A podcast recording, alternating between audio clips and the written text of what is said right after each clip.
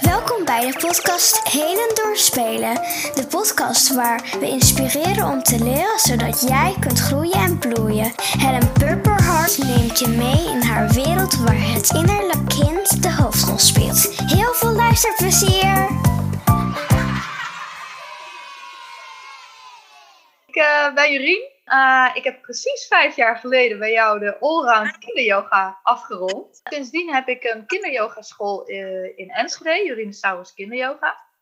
Ja, deze kinderyogaschool is in vijf jaar tijd uitgegroeid tot een plek ja, waar iedereen zichzelf mag zijn en de, in de breedste zin van het woord de kinderyoga wordt uitgedragen. Dus niet alleen maar de asana's, hè, de houdingen, maar echt alles erop en eraan, zoals het gaat om bewustzijn van, uh, van je lichaam en geest. Ja, zoals ik het bij jou geleerd heb.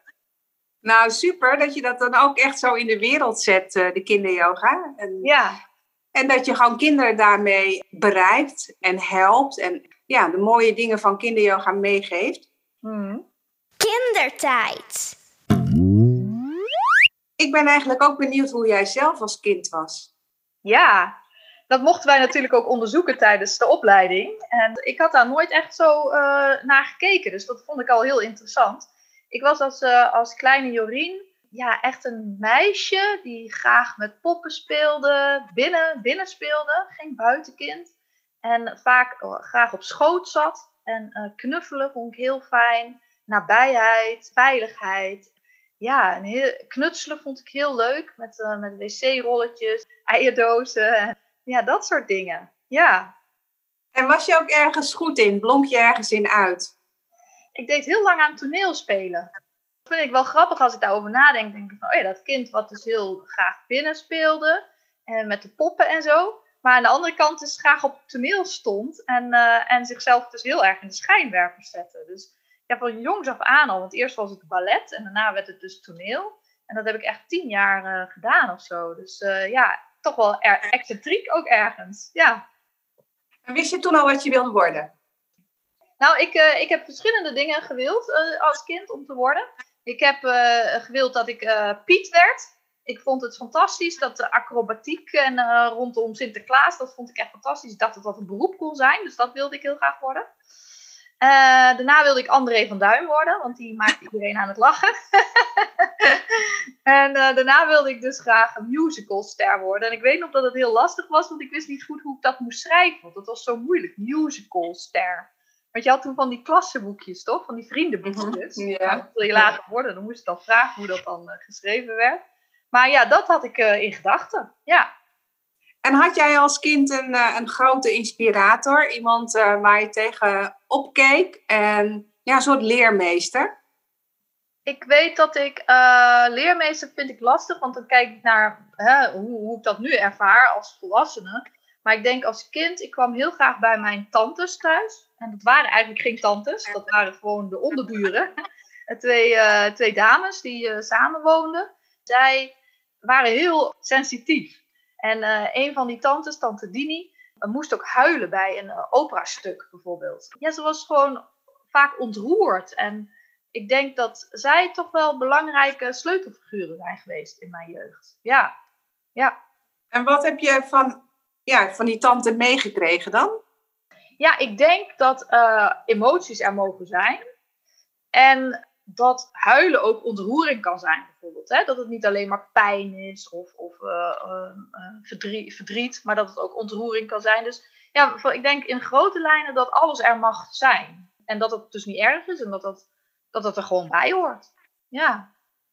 En vertelden ze dat dan? Of zeiden ze van nou, nee. huil maar? Of lieten ze dat zien? Dat lieten ze zien. Dat lieten ze ja. zien, door zelf te huilen? Ja, door zelf gewoon dat leven te leiden. Hè? Door zelf de, het juiste voorbeeld te geven, ja. En heel liefdevol waren ze ook naar elkaar toe. Heel, uh, ja, er was heel veel liefde in dat huis. En, heel, uh, en dat was ook openlijk. En ja, het voelde echt een warm huis, warm nest. Ja. Herinneringen. Wat is het grappigste moment wat je in je kindertijd hebt meegemaakt? Ja, ik vind dat altijd lastig met herinneringen. Hè? Maar ik, ik kan me nog herinneren dat ik een bandje terugvond. Echt zo'n cassettebandje. Waarop mijn zus en ik een radioprogramma hadden gemaakt. Of nee, een, niet een radioprogramma, een, uh, hoe noem je dat nou? Een, uh, een hoorspel. En als ik dat terughoor, hoeveel lol we hadden om dat te maken. Ja, dat, dan denk ik, ja, dat vond ik heel leuk. En verkleden en, en dat soort uh, grappige momenten. En ik weet nog dat ik graag de clown uithing. Ik kan me nog herinneren, als we gingen barbecuen, dan vond ik het heel leuk om dan de rolletjes van mijn buik, mijn vetrolletjes, te laten zien en dan te zeggen van, nou die kunnen ook wel op de barbecue. Ik was echt een beetje een clown. Ja. en wat is het spannendste wat je ooit hebt meegemaakt? Ik denk als mijn ouders wat overkwam. Mijn moeder is een paar keer gevallen. En ik denk, ja, dat, dat is wel als kind heftig om te zien. Dat ouders, zeg maar, uh, ja, letterlijk vallen. Hè? En, uh, en, en, en dat jij niks kunt doen. Dat je het gevoel hebt dat je machteloos bent.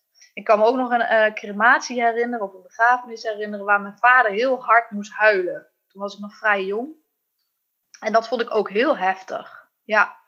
Ik denk niet zozeer het huilen, uh, maar meer dat hij dat niet vaak deed. En dat dat toen dus was uh, waar ik bij was. Maar ook het achteraf, denk ik, het niet kunnen omgaan met dat verdriet. Dus daar ook een mhm. soort van tegen vechten, zeg maar. Dat vond ik heel heftig als kind. Ja. Ja, dat is grappig dat je het zegt, want net had je het over, mhm. over je tantes die dat juist deden. Ja, uh, precies. Ja, dus dat je dat juist zo in je vader zag dat hij daar moeite mee had. Ja, ja, klopt. Wat mis je uit je kindertijd? Ja, ik denk dat dat hetgene is wat ik heb gemist. Uh, ik ben zeer uh, sensitief. Ik krijg ook veel van dat soort kinderen nu bij mij in de praktijk. En ik probeer dus te laten zien van, hé, hey, dat, dat is oké. En, en doorleef het maar en het mag er allemaal zijn. En uh, je hoeft er niet bang voor te zijn. En het is oké. Het is oké. Maar het, alles hoort erbij. Yin-yang, dag-nacht. Alle dualiteiten in het leven. Ja, dat, dat heb ik denk ik wel gemist. Ja. En wat mis je aan het kind zijn?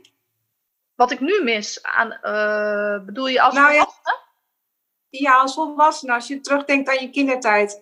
Het is grappig, want je gaf net antwoord uh, van wat je gemist hebt in je kindertijd. Oh, dus ja. het van emoties. Maar je kan het ook zien van wat mis je van vroeger, toen je nog kind was, wat je nu ah. niet meer hebt als volwassene. Ja, je kunt hem inderdaad op twee manieren interpreteren. Ja, nou, ik probeer door met kinderen te werken, probeer ik contact te houden met mijn innerlijk kind. Want ik weet dat ik af en toe uh, wat streberig kan zijn, of uh, streng voor mezelf, of wat rechtlijnig. Of uh, dus contact houden met mijn innerlijk kind. Hè? Die, die kinderen in mijn omgeving die houden dat bij mij wakker, en die houden dat aan. dat is super belangrijk voor mij, ja, om ook weer in balans te blijven. Dus te blijven spelen en te blijven, ja, flexibel te blijven. Wat betekent dan het innerlijk kind voor jou? Als ik uh, dus met kinderen speel, dan zie ik dat er veel meer mogelijk is. Dat je kijkt niet naar hoe je, hoe je weet dat het werkt, maar dat je opnieuw naar dingen kijkt en, en nieuwsgierig bent. En ja, nieuwsgierigheid is denk ik het allerbelangrijkste. Nieuwsgierigheid is altijd vanuit een bepaalde speelse energie. Dat vind ik echt heerlijk als ik daar contact mee kan maken. Ja. Ja. Heb je ook minder fijne herinneringen? Ja, ja, ik heb eh, na, uh, op dat moment uh, niet. Maar ik ben een uh, lomschoolkind, een kind van het speciaal onderwijs. En daar heb ik heel lang last van gehad. En zelfs nu af en toe komt er nog de kop opzetten. Het idee dat ik niet goed genoeg was, dat ik naar een andere school moest, dat ik apart gezet werd van de andere kinderen. En dat ik met het busje naar school ging. En ja, ik heb daar lang gedacht dat ik dom was en uh, dat ik niet kon leren. Ja, dat is heel, heel, heel nare ervaring. Om te merken dat je, ja, doordat je anders bent, het gevoel hebt gehad dat je buiten de groep uh, wordt gezet. En nu zie ik dat heel veel kinderen, oh, uh, van speciaal onderwijs of, of met een rugzakje, die dus wel op het gewone onderwijs mogen blijven, dat die nu hun weg naar mij toe vinden. Dus dat is heel leuk om, om te zien. Ja. Is het cirkeltje rond. En dan kun je eigenlijk die kinderen nog beter begeleiden. Ja. Vanuit de, de ervaring die je, al, die je zelf hebt gehad. Ja, maar zo heb jij mij dat ook geleerd in de opleiding. Hè? Je zei ook van, uh, hè, ik leid heel veel kinderyoga-docenten op elk jaar. Maar uh, vind jou, vind, vind wat, wat, wat jij denkt dat je een kind kan geven. En dat is precies dat stukje. Lastige emotie Van welke emotie had je dan last als kind? Uh, je, je zei dat je je vaak dom voelde of niet goed genoeg. Welke emotie past daarbij? Ja, onzeker. Achteraf terug te zien. Want iedereen vond mij een braaf kind, bijvoorbeeld. Uh, we hebben het ook wel eens uh, over gehad. Je bent zo'n fan van Pippi Langkous. Ja, ik was echt de Arnica, zeg Ja, heel onzeker en bang om fouten te maken. En heel verantwoordelijk. Ja. En welk gedrag liet je dan zien? Ja, als ik, als ik, want ik ben verbaasd over dat ik dat binnenspeelkind was. Want nu ben ik echt een buitenspeelkind. ik organiseer ook uh, dagen in het bos en dan gaan we lekker op avontuur. En ik durf nu veel meer dan toen ik een kind was. De meeste mensen hebben het andersom, hè? die worden volwassen en die durven dan veel minder dingen. En ik heb het precies andersom. Dus ik denk dat door mijn onzekerheid ik me dus terugtrok in een veilige, prikkelarme omgeving. Dat laat ook een beetje, ja, dat hoogsensitiviteit, minder prikkels, minder ja, gevaar in die zin. Ik denk dat dat te maken heeft met dat ik dus zoveel uh, ja, mijn, mijn veilige plek opzocht binnen als ik nu kijk naar de kind, als ik dus die kleine Jolien tegenkom bij mij in de praktijk, dan zie ik wat ze nodig hebben, is dat ik ze bij de hand neem en, en laat zien: hey, kom, je vindt het spannend, we gaan het even samen doen. dus dat je ze ik denk, als het, als het gaat over het onderwijs, zie ik van, ja, het onderwijs is heel erg gericht op één soort manier van leren. Nou, dat, dat sloot niet bij mij aan. Dat, dat vind ik een gemis. Dus dat er heel veel soorten kinderen zijn die andere behoeftes hebben. Maar als het dan gaat over, daar, daar gaat het ook over bij de hand nemen. Maar ook als het gaat over die onzekere kinderen of die sensitieve kinderen. Ja, veiligheid creëren. Veiligheid en kaders waarbinnen dan uh, die nieuwsgierigheid gewekt kan worden ja.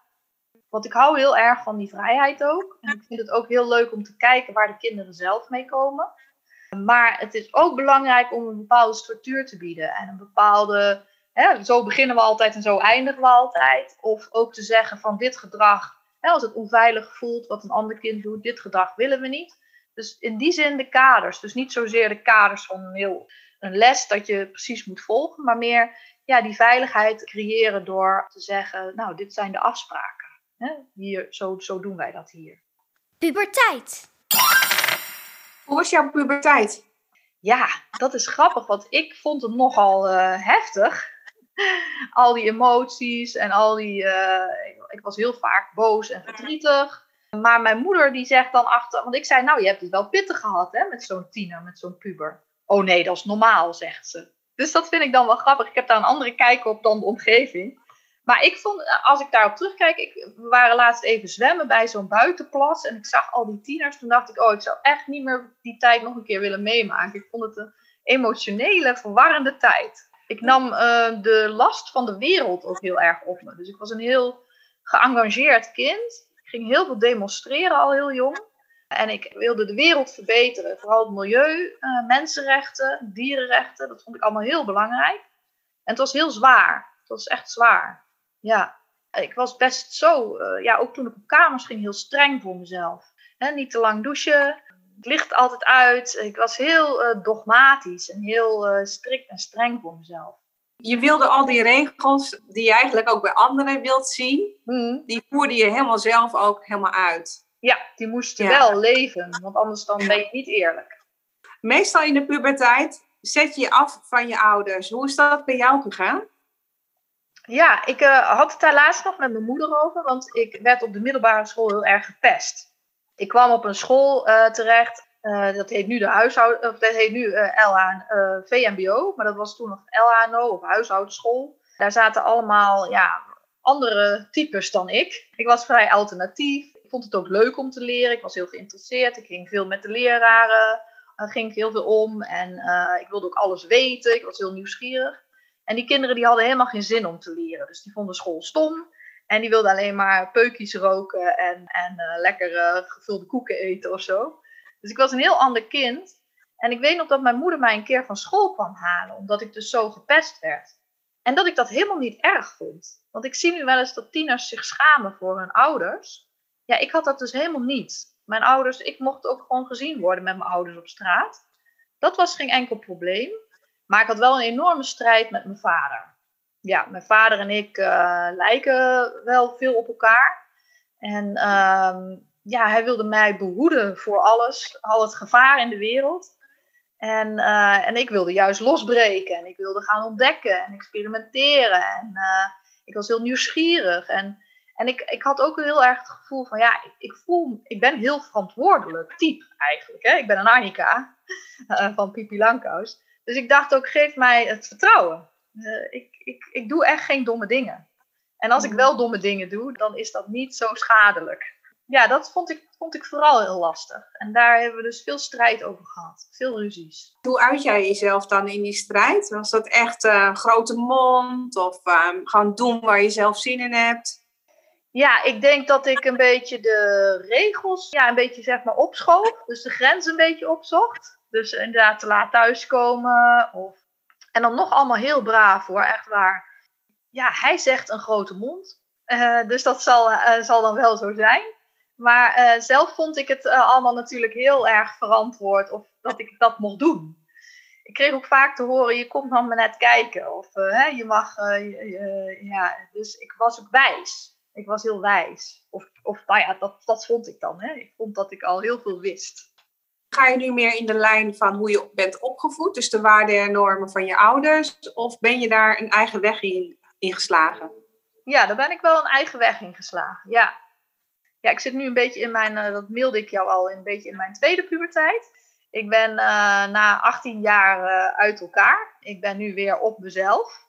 En ik merk dat ik een soort van tweede puberteit ben ingegaan. Ik probeer me nu weer los te opnieuw los te breken van alle regels en zoals het hoort. En me ook weer opnieuw af te zetten tegenover mijn ouders, merk ik. Het is een hele gekke ontwikkeling.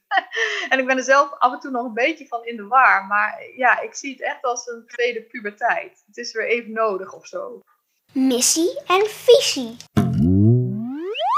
Wat wil je uitdragen in de wereld? Dat is ook een beetje de rode draad van dit gesprek geworden, merk ik. Dat gaat er toch echt om dat uh, nou ja, kinderen zoals ik, hoogsensitief onzekere kinderen of kinderen die uh, ja, het wat lastig vinden om, om uh, hun weg te vinden, uh, dat die de ruimte krijgen. En, dat ze, al op hele jonge leeftijd voelen dat het helemaal oké is wie ze zijn. Dat ze zich niet hoeven te veranderen of aan te passen, maar dat zij tools kunnen krijgen van, van andere mensen om, om om te gaan met die, met die ongemakken zoals zij die dan ervaren. Maar dat ze vooral leren dat ze zich niet hoeven aan te passen. Jij wil eigenlijk als Annika wil je allemaal pippies uh, creëren in de wereld. Oh, wat leuk! Ja, heel leuk. De toverspreuk.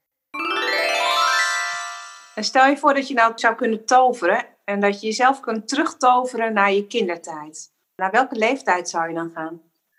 Daar moet ik niet te veel over nadenken. Als ik voel, dan denk ik mijn zes jaar uh, Jorien. En dan zou ik willen zeggen, je bent precies goed zoals je bent. Het is helemaal goed. En dat is ook meteen je toverspreuk. Ja. Het dilemma. Stel je voor dat je nu zou moeten kiezen. Altijd kind zijn of altijd volwassen zijn. Wat zou jij dan kiezen? Ja, volwassen zijn. Omdat ik nu ook de kwaliteiten van kind zijn nog steeds kan inzetten. Ik mag gewoon heel vaak kind zijn. Omdat ik nou eenmaal met kinderen werk. En maar toch vanuit, die, uh, vanuit dat vertrouwen en die veiligheid uh, die ik als volwassene kan inzetten. Ik ben heel tevreden met de plek waar ik nu ben eigenlijk. de leeftijd die ik nu heb. De speeltip.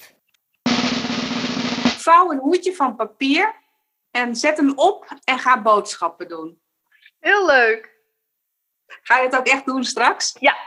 Nou, ik ga vandaag geen boodschappen doen, maar uh, morgen denk ik wel. Dus dan ja, ga ik hem echt doen.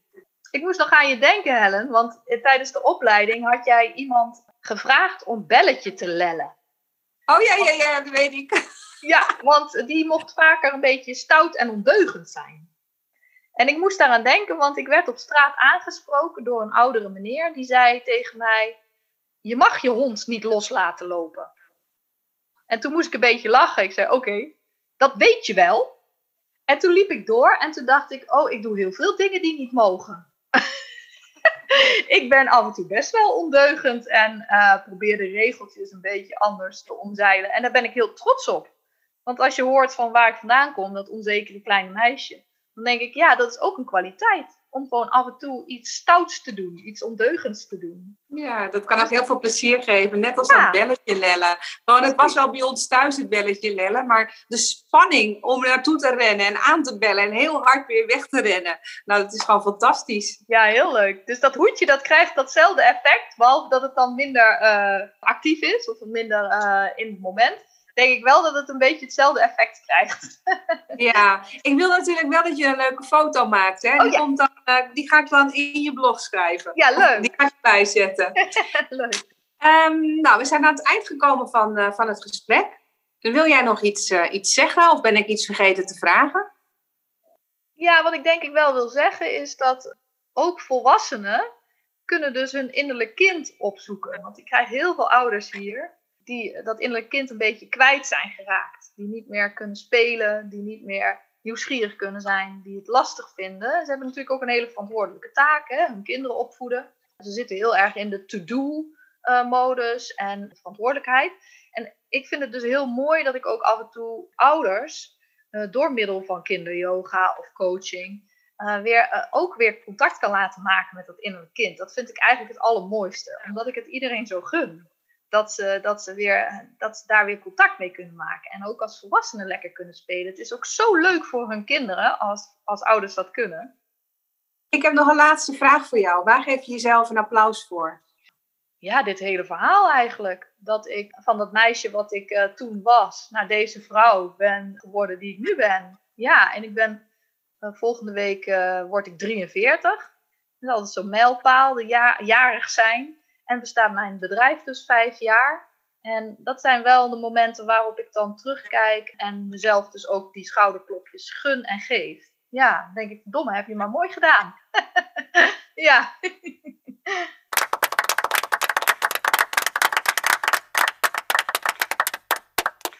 Hey, super bedankt voor dit eh, gezellige gesprek.